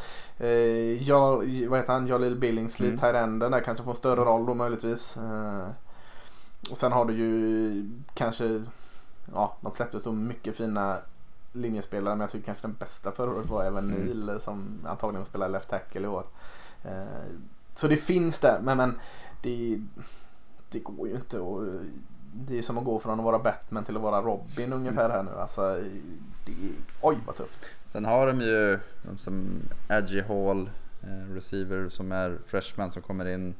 Eh, Mm. Jameson Williams också en receiver som kommer in. De, det finns ju, det, alltså vi, Javon Baker Ja. är också ganska spännande där.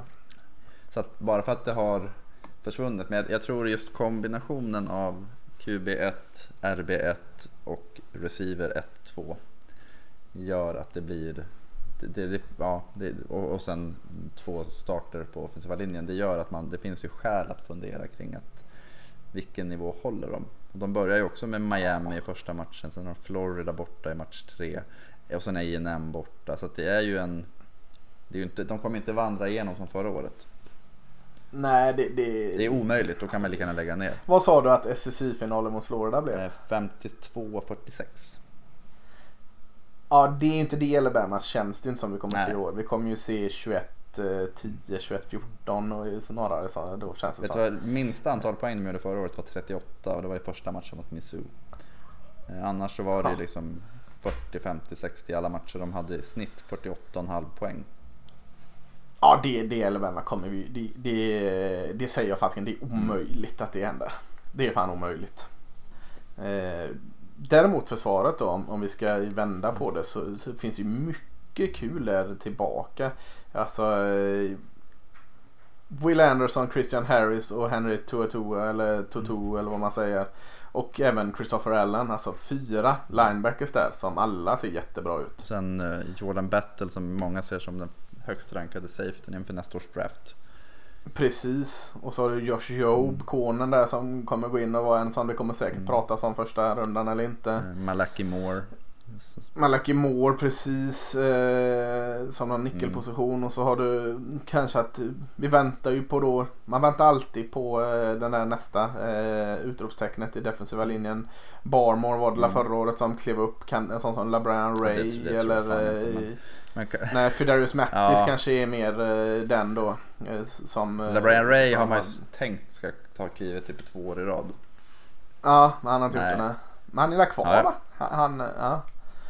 Nej, Mattis känns kanske mer spännande då. Mm. Var de i mitten där? Har de något där? Jag kan inte komma på. De har en DJ Dale men jag har inget minne av att jag har sett eh, något utropstecken kring honom. Nej. men jag tror att framförallt secondary, de har fått in Quincy McKinstry, en freshman som har eh, och sen Tim Smith eh, som var freshman förra året hade en ganska liten roll. Det är en sån som vi har sett många lyft fram. Att hade en bra vår och eh, har den här 6-4, 3-20 och atletisk, alltså lite i vet Jonathan Allen. Ja, McKinstry där, vet han, jag tror han har döpt om sig. Vet du vad han heter i förnamn? Nej. Cool Aid. Jag tror alltså han cool har Aid McKinstry, ja det är ju otroligt. Cool Aid McKinstry. Jag tror alltså att eh, det är sånt där Smokey Monday ja. och sånt. Alltså, jag tror han numera, ja vi får se när grafiken rullar. Men jag, jag hoppas verkligen att det är så att han har tagit namnet Cool Aid McKinstry. Ja, så jäkla coolt för en cornerback. Uh, jag vet att han har kallats det men jag tror till och med att nästa steg att han heter Cool Aid nu. Uh, det hoppas vi. Ja det vore ju otroligt faktiskt. Ja. Men ja, eh, trots det här enorma tappet från Alabama offensivt så sätter jag dem som jag ska inte säga solklar favorit i SEC West, men jag säger dem som klar favorit i SEC West. Ja, de har ett lite tuffare schema eh, som mm. sagt och, och, det Men samtidigt så, ja. Nick Saban har förlorat 23 matcher på 14 år. Mm, precis. Inte första, första liksom rådion för honom att bygga om ett lag. Så man har fått in Bill O'Brien som offensiv koordinator. Ja men det ska man också säga att man har tappat Steve Sarkisian mm. där. Alltså, det trodde man, har, man aldrig man skulle eh, säga va? Nej man har ju genom åren haft ganska lätt att, att skämta lite om Sark. Men, men eh, som offensiv koordinator eh, kan man ju liksom framförallt inte i Alabama heller så kan man ju liksom inte ifrågasätta han.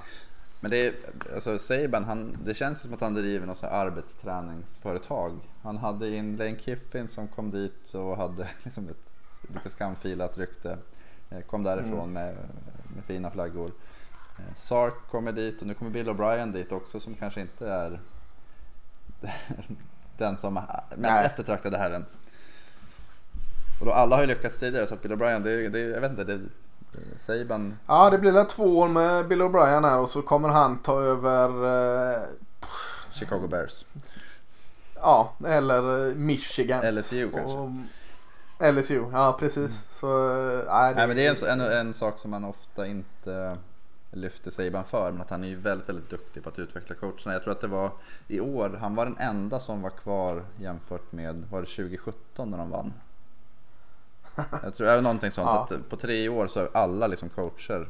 Och då är det långt ner, det är mycket Ja, ja det var typ 35 stycken. Det är inte bara offensiv liksom. koordinator som roteras om. Så han, han är ju extremt duktig på att forma sin omgivning som han vill. Och det tjänar också ja. omgivningen på. Nej, Sen är han inte bästa vän med dem jämt. Nej så är det väl inte, eller i varje fall inte vad det man ser och hör. Men eh, ja, det kan man inte alltid vara heller. Ja men eh, då säger vi väl att det blir Alabama mot Georgia i SEC-final va?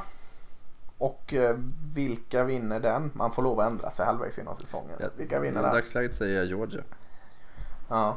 Eh, jag tycker det är så oerhört roligt. Jag, jag håller inte med på Georgia eller Alabama om jag ska vara. Jag är väldigt neutral. Men det hade varit väldigt roligt om Georgia vann SEC. Mm. Så att jag, jag säger också Georgia.